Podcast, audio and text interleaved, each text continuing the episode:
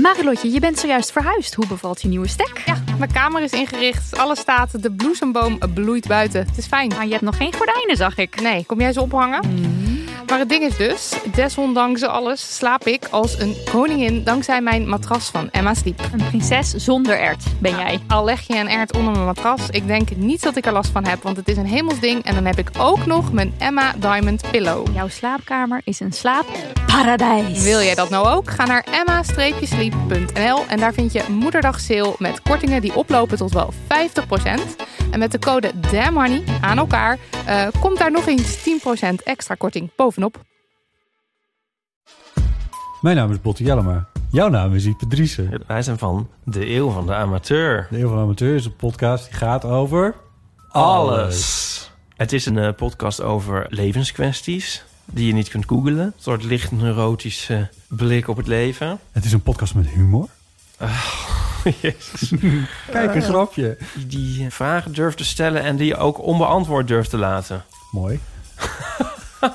Met een regenboogvlagje. Dat, dat noem je queerbot. Dat het een regenboogvlagje, dat klinkt echt als een soort... Uh, ik bedoel, iedereen is welkom. Kom ons luisteren in je favoriete podcast-app. Dag lieve wereldverbeters schatten van ons. Welkom bij Damn Honey.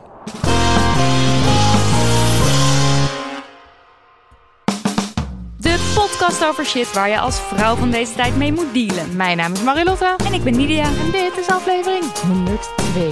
Waarin wij gezellig met z'n tweeën de actualiteiten langsgaan in de vorm van één of meerdere Damn Honey Yessen en Damn Honey Noen. Dat. Dat is Ja. correct. Ja. Ja. Eh, heel even tussendoor. Wij hebben gisteren onze aller, allereerste try-out gespeeld In Diemen. in Diemen. En het was best wel behoorlijk fantastisch. Ik moet wel stemoefeningen gaan doen, denk ik. Want anders kan ik op een gegeven moment niet meer podcasten van al het gegil en geschreeuw wat ik doe in de voorstelling. Ja, ik denk dat ik van die bubbeldingen ga bestellen. Dat je kan bubbelen met je stem. Volgens mij hebben wij dat nodig. Ik heb het gevoel dat dat gaat werken. Maar het was enig. En voor de mensen die erbij waren, erg geweldig dat je Bedankt. door de stortregen gefietst bent. En eh, ja, eh, Maar ik, Rotterdam samen we morgen. Rotterdam staan we morgen. Volgende week volgens mij in, in IJsselstein en in Amsterdam. Ja, volgens mij Ja, wel. Ja. Klopt, ja. Dus eh, kom. Als je- Koopkaartjes, koop kaartjes, kom. Uh, dammoney.nl slash theater voor de speellijst en de tickets. Maar voor we eh, het nieuws induiken van de Ja. afgelopen week, eerst even een leuk bericht. Ja, en dit was een erg leuk bericht. We kregen eh, post, als in letterlijke post. Ik heb hier een, een foto van het poststuk voor mij. Eh, we kregen het opgestuurd naar eh, ons eh, kantoor. En het was een hele lange brief. En daar zat me toch een geweldig handwerkje bij. Maar ik ga eerst even de brief voorlezen en dan beschrijven wat dat eh, handwerk was. Oké, beste Damn Honey. Eigenlijk wilde ik dit al aan jullie geven bij jullie theatershow in Amsterdam. Helaas werd ik die dag ziek en ben ik niet meer gegaan. Nu, maanden later, heb ik toch de moed bij elkaar geraapt om het op te sturen en eindelijk de woorden gevonden die erbij horen. Het is een gehaakte versie van jullie naam, gemaakt van repurposed garen. Nou, dit is al verraden. Het was. Het, is, ja, het ziet er geweldig uit, hangt aan ons raam. Eh, handwerken hangt voor mij sterk samen met feminisme. Dat klinkt misschien raar, want handwerken was dat niet voor huisvrouwen en oude omaatjes. Misschien wel, maar het is ook zoveel meer. Handwerken bestaat uit soms oeroude tradities, veelal overgeleverd van vrouw op vrouw. Het was ook een van de eerste media waarmee vrouwen voor hun rechten durfden op te komen. Zo werd rond de vorige eeuwwisseling geprotesteerd voor vrouwenrechten door leuzen op vlaggen en banieren te borduren. Het was het enige expressiemiddel wat ze relatief ongestraft konden gebruiken. En vergeet niet hoeveel meer materiaal, tijd en energie erin gaat zitten dan als je dezelfde leus met benzinestift op een kartonnen bord schrijft. Door te handwerken eh, voel ik mij verbonden met alle vrouwen die ons voorgingen. Het geeft mij een gevoel van belonging. Feminisme gaat vaak over strijd, actie en boosheid. En dat hebben we zeker nodig.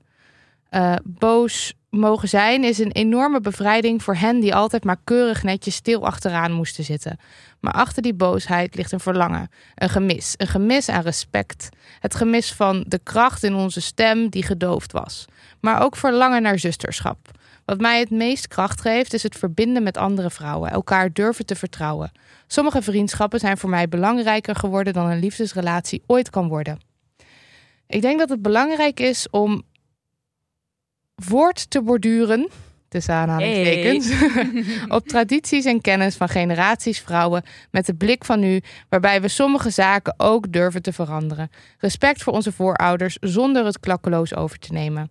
Een mooi voorbeeld hiervan is het project Bakadrakten, ik hoop dat ik het goed uitspreek, een unisex klederdrachtkostuum gemaakt door Freddy Samuel Lund. En er staat een, uh, een handle op uh, Instagram achter, daar kan je het bekijken. Het is een prachtig kostuum, geïnspireerd op Zweedse klederdracht, maar dan geschikt voor iedereen die zich niet als een bepaald gender wil uiten. De kleuren van de transvlag zijn erin verwerkt. Er komt zelfs een gratis patroon van, zodat je het zelf kan namaken. Ik vind het een prachtige, zachte daad waar toch heel veel protest in zit. Een uiting veel meer van feminine energie dan de masculine energie die overheerst in onze maatschappij. En er staat een sterretje bij. En dan ga ik eventjes naar beneden op het blaadje en daar staat: Ik doe hier op energie, niet op gender. Iedereen heeft van beide energieën in zich en ideaal gezien zijn die in balans. Maar bij de meeste mensen overheerst het, mas overheerst het masculine omdat dat van ons gevraagd wordt in deze maatschappij.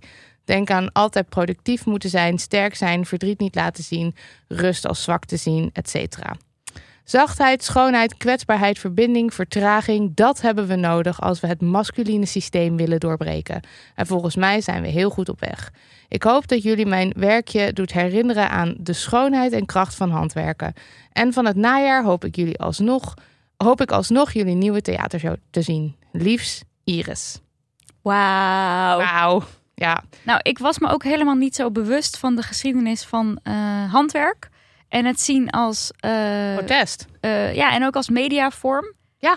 Um, en ik, ja, dit is ook dat ik dacht, we moeten hier ook weer een aflevering over maken. Ja, de heer is ons een nieuw, uh, een nieuw onderwerp aangereikt ja. voor Iris. Dus dank daarvoor. Ja, en dat, uh, dat handwerk, dat is dus uh, geweldig. Het hangt aan ons raam. Er staat heel groot Damn Honey op. Het is in roze en paars, onze favoriete kleuren. En ja, en van gerepurposed garen dus, wat ik dus heel leuk ja, heel vind. Cool. Ja, dus dankjewel Iris. We hebben erg genoten de eerste keer al van je brief toen die net binnenkwam. En nu ik hem weer lees, weer.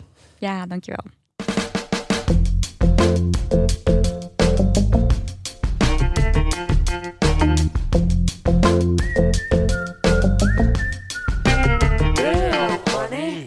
Goed, tijd om de kranten erbij te halen.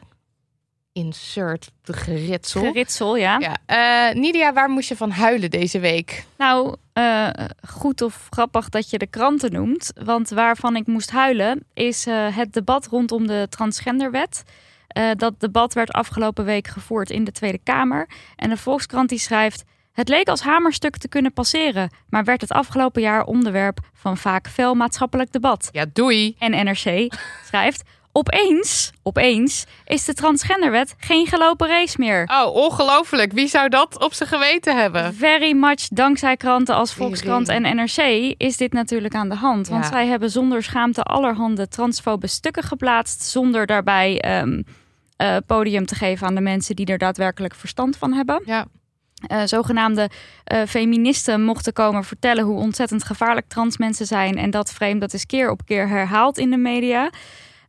Um, wij hebben daar uh, ook een aflevering over gemaakt. Dat is 99a, nu een paar afleveringen geleden met Maeve Kevin. En hen gaf ook aan van ja, deze takes, we zien ze gewoon steeds meer de afgelopen jaren. En we hebben het in die aflevering uitgebreid gehad over de takes en hoe je ze kunt debanken. Ja, want na die aflevering was er ook weer was er zo'n postercampagne ja. tegen de transgenderwet. Waar mensen ook weer, volgens mij in NRC, ook weer uitgebreid de de, het podium kregen om uit te leggen waar ze dan bang voor zijn. Klopt. Terwijl in plaats, geef, geef, nou eens, geef nou eens echt. In plaats, nou. Ja, geef gewoon de mensen een podium die uh, zelf trans zijn en die zelf heel goed weten uh, waarom deze wet uh, doorgevoerd moet worden. Ja. Maar dat is dus niet aan de hand. Um, nou, en nu zie je daar dus het resultaat van. Er is nu al twee dagen gedebatteerd over een vrij, toch wel ja, simpele um, administratieve taak handeling die heel simpel uitgevoerd kan worden, uh, klaar. Uh, maar daar moet eindeloos over gedebatteerd worden. En um, nou ja, dat laat in mijn ogen zien um, hoe eh, niet eh, tolerant, ja, hoe zeg je dat? Transhaat is transhaat, kan je Ja, wel ja. zeggen, toch? Dat het dan Gewoon- opeens, dat er wordt besloten over mensen. Jullie kunnen dat niet zelf beslissen. Dat, het, is, het, is, het is belerend, het is denigrerend, het is echt, het is echt heel naar. Ja, en eh, VVD en CDA die veranderen dus nu ook van standpunt. Even heel kort, wat houdt die wetswijziging nou eigenlijk in?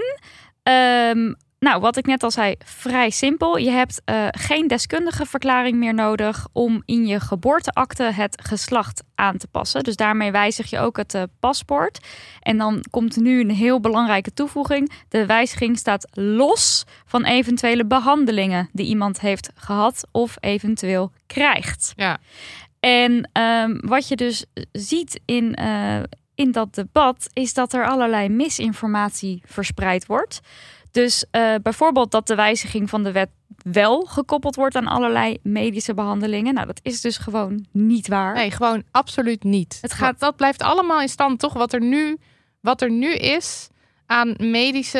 Het staat er gewoon los van. Ja, het heeft gewoon niks. En daar hebben we ook nog van alles op aan te merken dat dat veel beter kan en dat de wachtlijsten verschrikkelijk zijn. maar Maar het heeft daar niks mee het- te maken. Nee, precies. Ehm, nou, dan had je bijvoorbeeld eh ehm, Mirjam Bikker van ChristenUnie... die dan zegt, we moeten jongeren niet in een bepaald hokje duwen. En Lilian Helder van de PVV die zegt, het moet niet opgedrongen worden.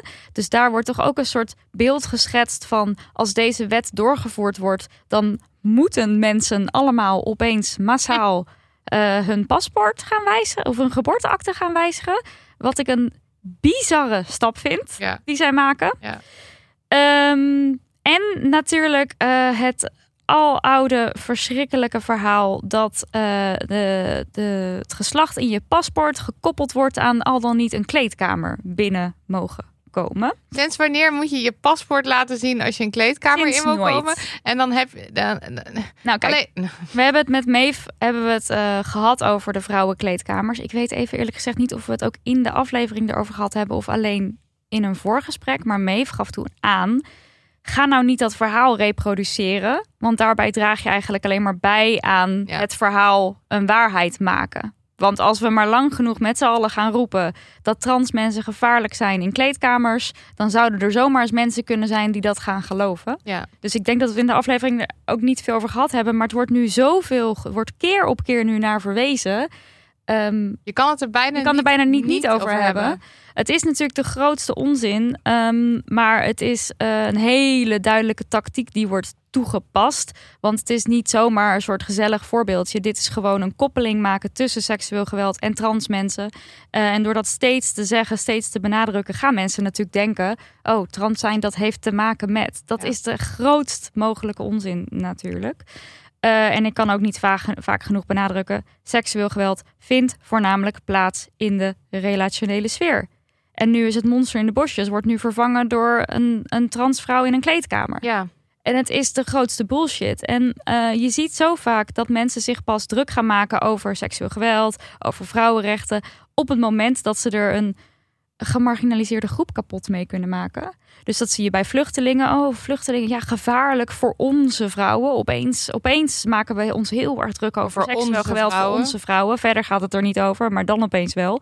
Eh, moslims, ze onderdrukken onze vrouwen opeens ook weer. Weet je wel, Eh, Nederland, in Nederland eh, doen vrouwen anderhalf keer meer onbetaald zorgwerk. Maar daar hoeven we het verder niet over te hebben. Maar we willen het wel even graag hebben over dat moslims vrouwen onderdrukken. Mhm. En dus nu zie je dat weer bij transvrouwen. Dus trap daar toch alsjeblieft niet in.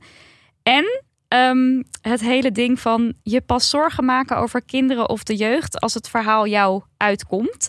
Dus ehm, bijvoorbeeld eh, eh, partijen als PVV, eh, Forum voor Democratie, SGP, BBB, Ja21, Groep van Haga en Omtzigt, ChristenUnie, die hebben bezwaren.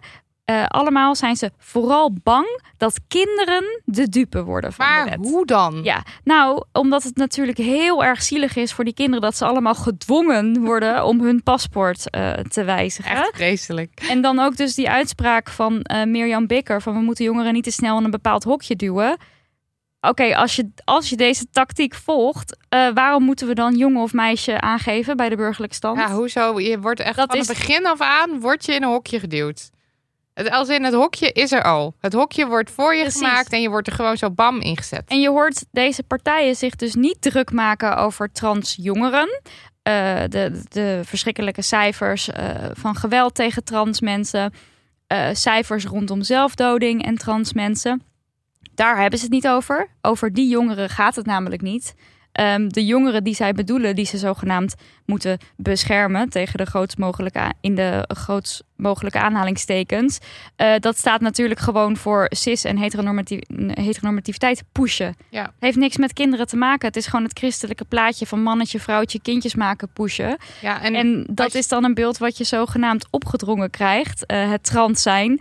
Terwijl we weten allemaal dat als er een, een beeld opgedrongen wordt, is het wel hetero zijn? Is het wel cis zijn? in alle, in alle Disney-films, in alle sprookjes, het is altijd het hoogst haalbare een relatie tussen een man en een vrouw en verliefd worden. Dat is wat we voortdurend om ons heen zien. Maar nee, dat is niet Nee. opgedrongen worden. Dat is gewoon de natuur. Maar kijk, ik ben helemaal voor. eh, we moeten de jongeren geen, eh, geen, niet in een hokje duwen en, eh, en zo. Maar kijk dan ook inderdaad kritisch naar die hokjes die zo ontzettend dominant zijn. Dat mensen ze niet eens meer lijken te zien. Precies. En het eeuwige trendverhaal. Hè? Het is een trend om trans, eh, trans te zijn. Nou, nogmaals, eh, dat voorbeeld van de linkshandige. eh, op een gegeven moment, vroeger mocht je niet linkshandig zijn. Dan werd op school actief ontmoedigd. Dan moest je met rechts schrijven. Op een gegeven moment werd dat soepeler. Werd dat meer geaccepteerd. Ja, het klinkt nu toch vrij bizar als ik dit zo zou zeggen. Maar dat is echt zo. Mhm. Dat ging echt zo. En toen kwamen er steeds meer linkshandigen. En dat cijfer is op een gegeven moment gewoon, dat percentage is op een gegeven moment gewoon ja, uitge- plateau geworden. ja, zo'n plat. Dat is nu gewoon eh, hetzelfde. Ja, want dat is nu gewoon het percentage linkshandige En rechtshandige het is dus obviously geen zorgen maken. Het is gewoon vrijheid beperken. Het is zelfbeschikking ontnemen. Dat is allemaal onder het mom van zorgen maken wordt dat dan nu gepresenteerd. Ja, en het is gewoon heel erg eh, bezig zijn met alleen maar dat wat in jouw eigen wereldbeeld past. Dat heel erg verdedigen Ja. en dat in stand willen houden, want er zal maar iets veranderen. En het is allemaal maar eigenlijk eng, eng, eng. Ja, en ook het idee heel erg vasthouden aan het idee dat er enkel zoiets als een man en een vrouw bestaat. Wat simpelweg niet waar is. Er worden kinderen geboren met een variatie aan mannelijke en vrouwelijke geslachtskenmerken. Dus ook als mensen die willen dan zogenaamd het op de biologie gooien, toch? Van Mhm. dit is nou eenmaal hoe het is. Dat is niet waar. Nee, intersexe condities, dat, dat is gewoon, Ja. dat, dat zijn gewoon ook mensen. Ja, en we hebben zo'n beperkt beeld van gender, man en vrouw, dat dus eh, eh, kinderen opgevoed worden in een bepaald eh, gender, in een bepaald gender, sociale, sociale gezien dan, hè? Ja. Dus even onder, niet, als je het lichaam niet meeneemt, dan gewoon van, oké, nou, we bepalen nu bij de geboorte, je bent nu een meisje. Eh, als je intersexe eh, geboren wordt. En dan word je sociaal op die manier opgevoed. Omdat er helemaal geen ruimte is om te zeggen: je bent non-binair. En weten Of, wij... of, we, of, of we plaatsen je, we geven het geen, geen label. Nee, precies. Want weten wij veel hoe de wereld eruit zou zien als die labels er niet zouden zijn? Als je gewoon de kans zou krijgen om je te ontwikkelen eh, op gebied van gender, maar ook op het gebied van seksualiteit, zoals jij wil of zo, gewoon zoals het gaat, omdat het zo loopt en niet omdat je in een bepaalde richting wordt geduwd. Weet jij veel hoe de wereld eruit zou zien, hoe jij op wie je verliefd zou worden, hoe je je voelt? Eh, dat, dat, dat, je hebt gewoon geen idee. En dit, is, dit zijn echt de, de, de, dit is de wereld waarin we leven. En er, ons wordt het idee opgedrongen dat dit nu eenmaal is hoe het is. Dat is niet zo. Nee. Nou ja, maar ook dat er zo lang weer over gedebat- gedebatteerd wordt over, over dat het. ah, Ja. Ik, Ja. ik was al moe. Ja, je was moe. Ik was al moe van het theater, maar mensen, kinderen, het is echt een, een, een keiharde eh, klap voor heel veel mensen in het gezicht. Ja. Dus nou ja, een hele dikke, dikke no. En dan hebben we ook nog eh, in Italië een nieuwe fascist, eh, Musso- Mussolina. ook wel Mussolina genoemd, ja. Geestige woordspeling. Heel maar dat is, eh, dat is een ander verhaal. Gaan we het niet over hebben. Sponsortijd. Vandaag werpen we een schijnwerper op de film Corsage. Ja, ja, op dit moment draait Corsage in de bioscoop. En daar wil je heen. Echt. Ja, de film gaat over de Oostenrijkse keizerin Elisabeth. Onder het grote publiek wellicht beter bekend als Sisi. Eh, want over haar werden in de jaren 50 films gemaakt, die ook eh, Sisi eh, heten. En die werden razend populair. Maar in die films werd een wel heel erg romantisch beeld neergezet van de keizerin. Ja, een leven als een soort sprookje. Ja, en in Corsage zien we dus een heel ander beeld. Elisabeth veroverde eigenlijk meteen mijn hart in deze film door in een van de eerste scènes te demonstreren hoe je het best kan faken, flauw te vallen om onder een opmerking of een vraag van een vent uit te komen. Het is een prima strategie. Ja. Ik zie jou deze ook wel toepassen. Je hebt it. goed opgelet, toch? Mhm, Aantekeningen mhm. gemaakt. Zeker. Eh, maar ik moet wel zeggen, ze veroverde mijn hart. Maar niet zozeer omdat ze eh, een geweldig, fantastisch, leuk, Leuk, karakter is of Nee. zo. Want ze heeft dus allemaal verschillende kanten, ook nare kanten. Eh, ja, bijna zoals mensen in het echte leven dat ook wel gewoon hebben. Mhm. Verschillende kanten. Ehm, en dat is fijn om naar te kijken. Ja, en eh, ja, het maakt deze Elisabeth, gespeeld door actrice Vicky Krieps, simpelweg heel interessant. Ja, ik was geboeid van begin tot eind. Een personage waar je meer over wil weten. Dus wacht niet en ga deze film vooral in de bioscopen koekeloeren, want nu draait hij nog. Het is echt een film voor op het grote doek. Ja, je, je wil surround sound. Je wil de popcorn. Belangrijk. Mhm. Belangrijk eh, Mhm. in een filmsetting. En eh, een groot scherm. Je wil het wilt allemaal. Ja. ja. Gaat dat zien? Corsage, nu in de bioscoop. Eh, en yes. Ja. Ja. Eh, allereerst is er een yes in Cuba. Ik heb er twee. Eh, en eh, daar is eh, door middel van een referendum een nieuwe wet aangenomen die echt zeer LHBTQIA-friendly is. Oké. Ja, I like it. Het, is, het, wordt de, het wordt de familiewet genoemd. Hij bestaat uit meer dan 400 artikelen.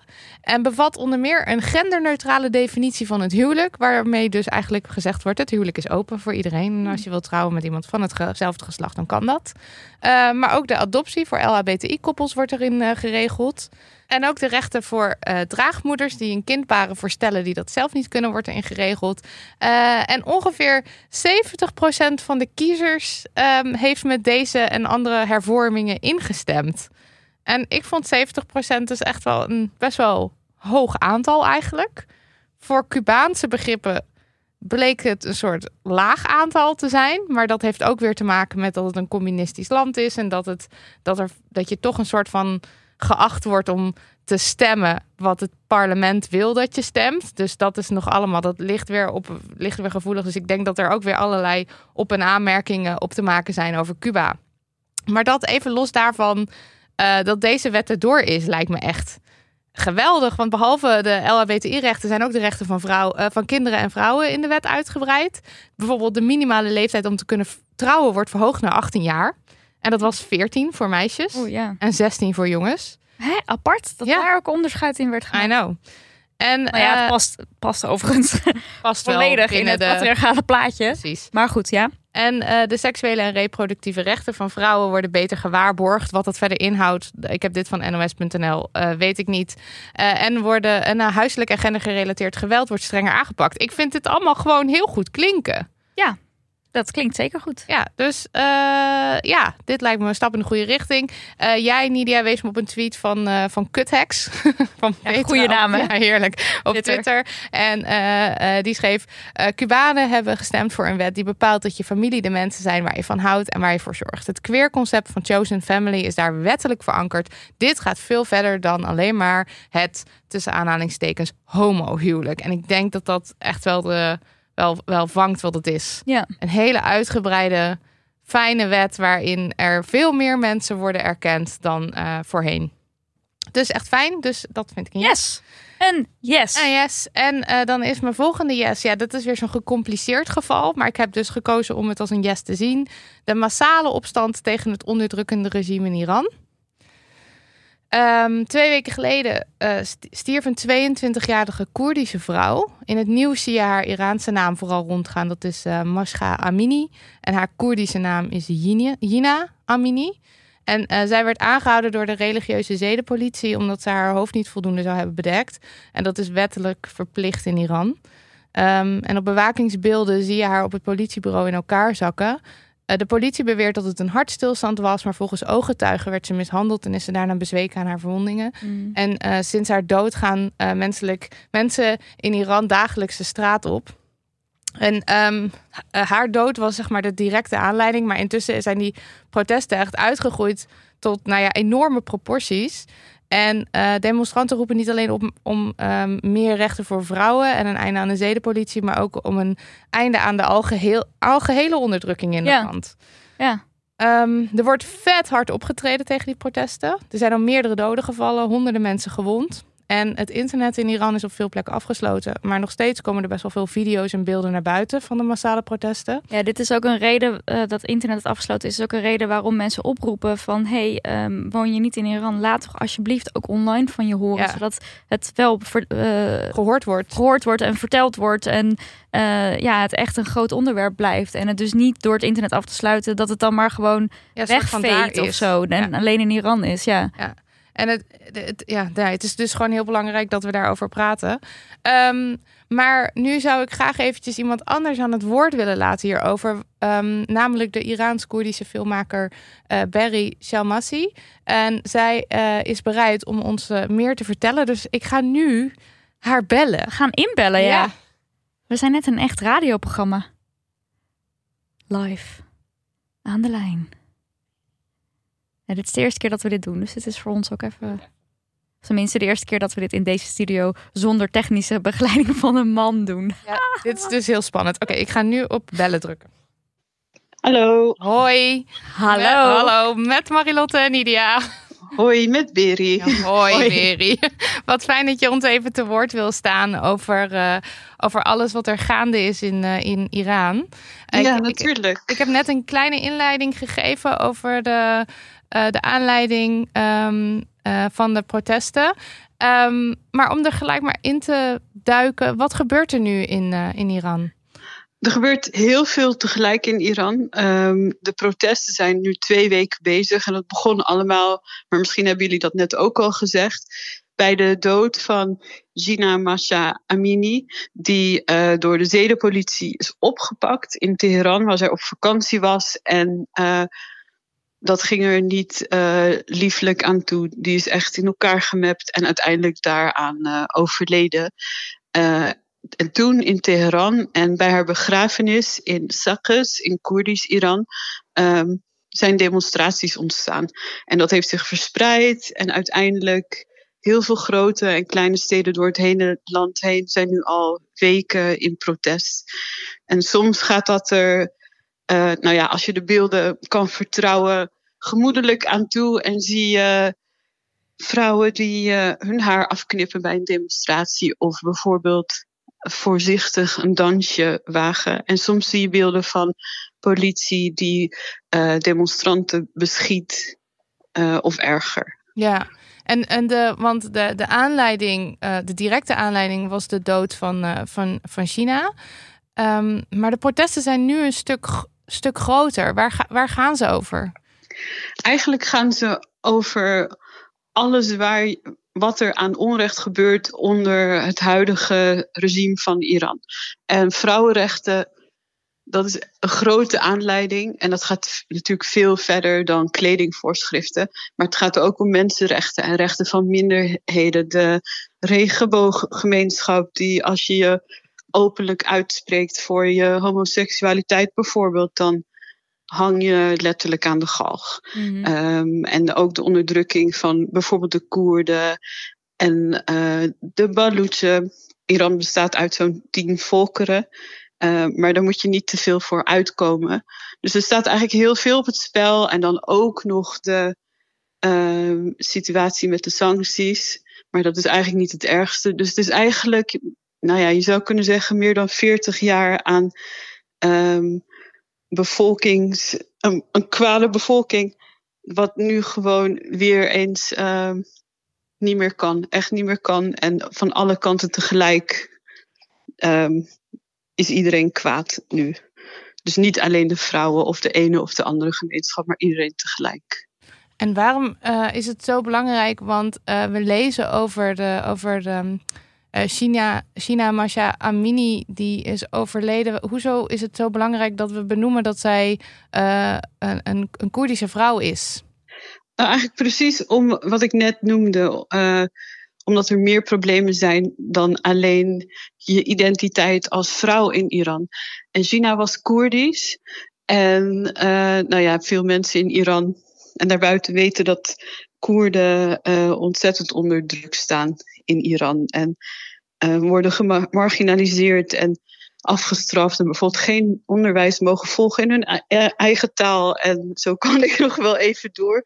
Uh, En ook altijd hardhandiger worden aangepakt door bijvoorbeeld de politie. Hmm. Toen Gina met haar familie op vakantie ging naar Teheran, een paar weken terug, toen zei haar broertje al: Moeten we dat nou wel doen met haar? Want eh, het is niet thuis. Ja. We komen er niet vandaan. En dat betekende eigenlijk al: zij kan zich daar niet zo vrij en gemakkelijk bewegen als daar. En dat bleek natuurlijk. Ehm, je weet dan ook, maar dat kan je niet bewijzen, dat de haat van agenten naar Koerden als minderheid groter is dan een, eh, een Perzische Iranier uit Teheran bijvoorbeeld. Ja, dus haar, haar vrouw zijn kun je niet loszien van ook haar, haar Koerdisch zijn. Precies. Ja. En wat is de reactie van de overheid op deze protesten? De, de reactie van de overheid is eh, ook net zo veelzijdig als eh, de soorten protesten die er zijn, zou je bijna kunnen zeggen.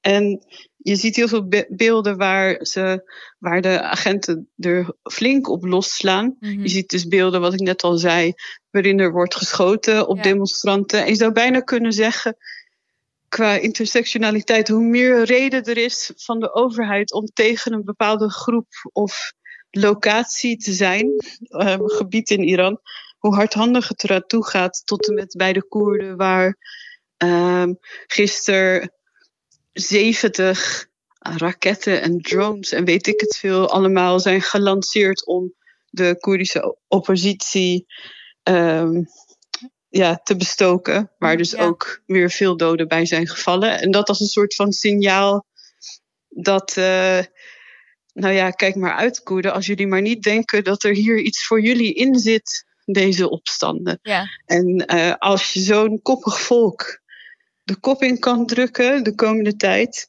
dan kan je ook een nou ja, beginnende revolutie in de kiem smoren. ja. Dus als je de Koerden pakt, heb je uiteindelijk iedereen. En, en wat is jouw gevoel daarover? Gaan, gaan de Koerden ehm, stoppen met protesteren?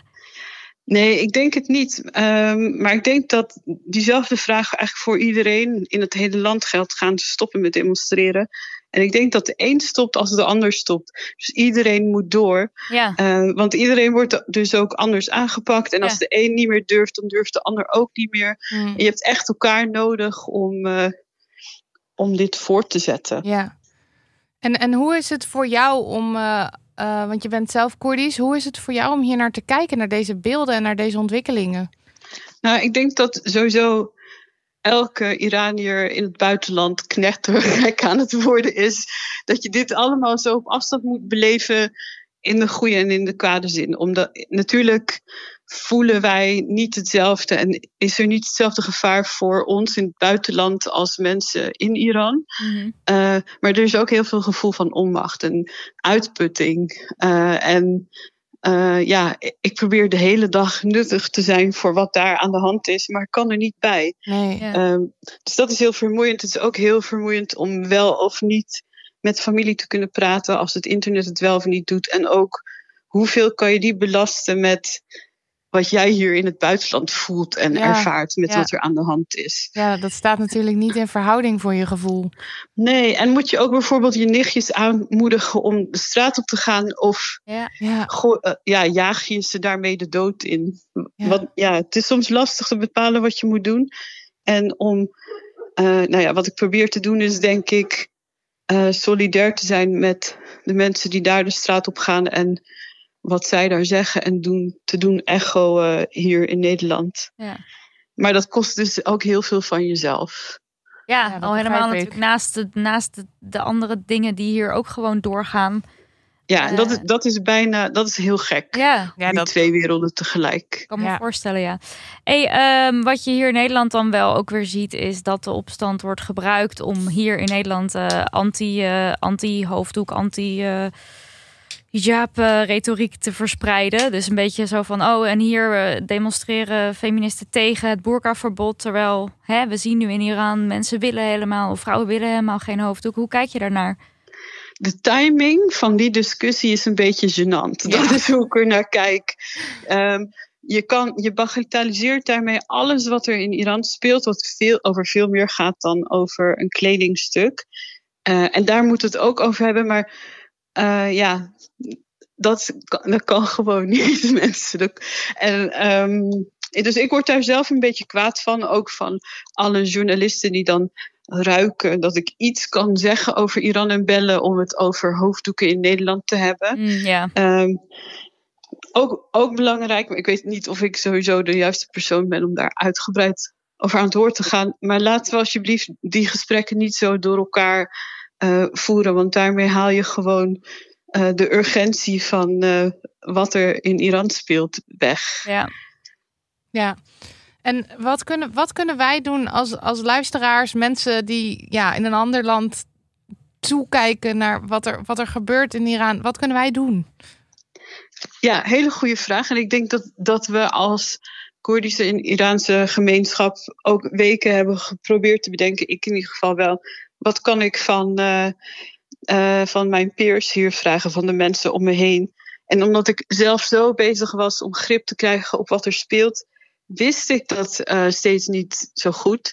Maar er zijn verschillende dingen die je natuurlijk kan doen. En dat is je solidariteit tonen online, persoonlijk. En als er demonstraties zijn, daar ook naartoe gaan. Bijvoorbeeld, we hopen dat er op de 16e oktober een grote demonstratie is. Daar kunnen jullie sowieso niet ontbreken. We zetten hem meteen Eens. in de agenda. En eh, Heel fijn. op de Dam is het idee, toch? Op In de. Dam. Oké, ja, check. klopt. Check.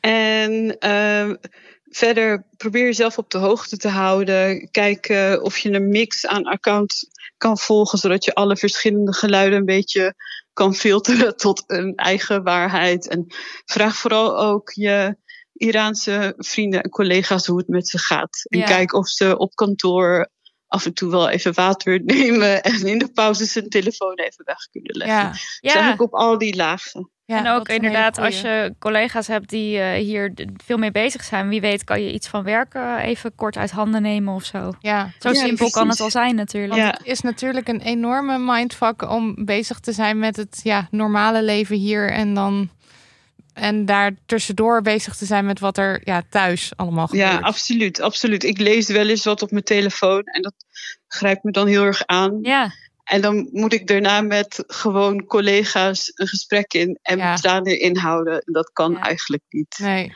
dat is veel. Eh, Ja. Wat betreft de volgtips, stuur ze vooral nog even door. Dan zetten we ze in de show notes. Ja, ga ik zeker doen. En dan rest ons niets anders om je te bedanken voor, voor dit gesprek en deze duiding. Ja, jullie bedankt voor de aandacht hiervoor. Heel Ja. fijn. Natuurlijk, ja. En, eh, en veel eh, sterkte en, En alle liefs. En liefs. Dankjewel. Ja. Dat is heel lief. Oké. Dankjewel. Doeg. Succes daar. Doeg. Dankjewel. Doeg. Dit was aflevering 102. De show notes, inclusief dus de volgtips van Berry, vind je op damhoney.nl slash aflevering 102. Bedankt Daniel van de Poppen voor de edit, Lucas de Gier voor de jingles, Lisbeth Smit voor de website en Melissa van der Zanden voor being the one and only Honey stagiair. Veel dank ook aan de menselijke transcripters. eh, los van de niet-menselijke transcripter Amberscript. De software die, Bedankt eh, Amber Script. ja, de, software die eh, de tekst genereert. De mensen die hem daarna echt leesbaar maken, dat zijn Marleen, Elise, Marlou, Marloes, FQ, Shura en Melissa van der Zanden. Ja. Onze one and only stagiair. Love you. Eh, we kletsen nog eventjes door, zometeen. eh in eh, Je doet het er maar mee. De podcast, a.k.a. de bonusafleveringen. En ja, die kan je, kun je vanaf, luisteren. Ja, vanaf 1 euro per maand kan je het luisteren via petjeaf.com slash damnhoney. Of niet, hè? Zelf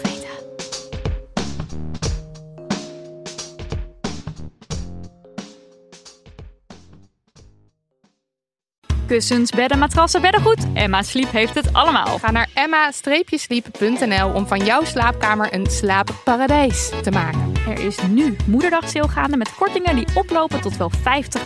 Gebruik de code DAMHONEY voor nog eens 10% korting daarbovenop.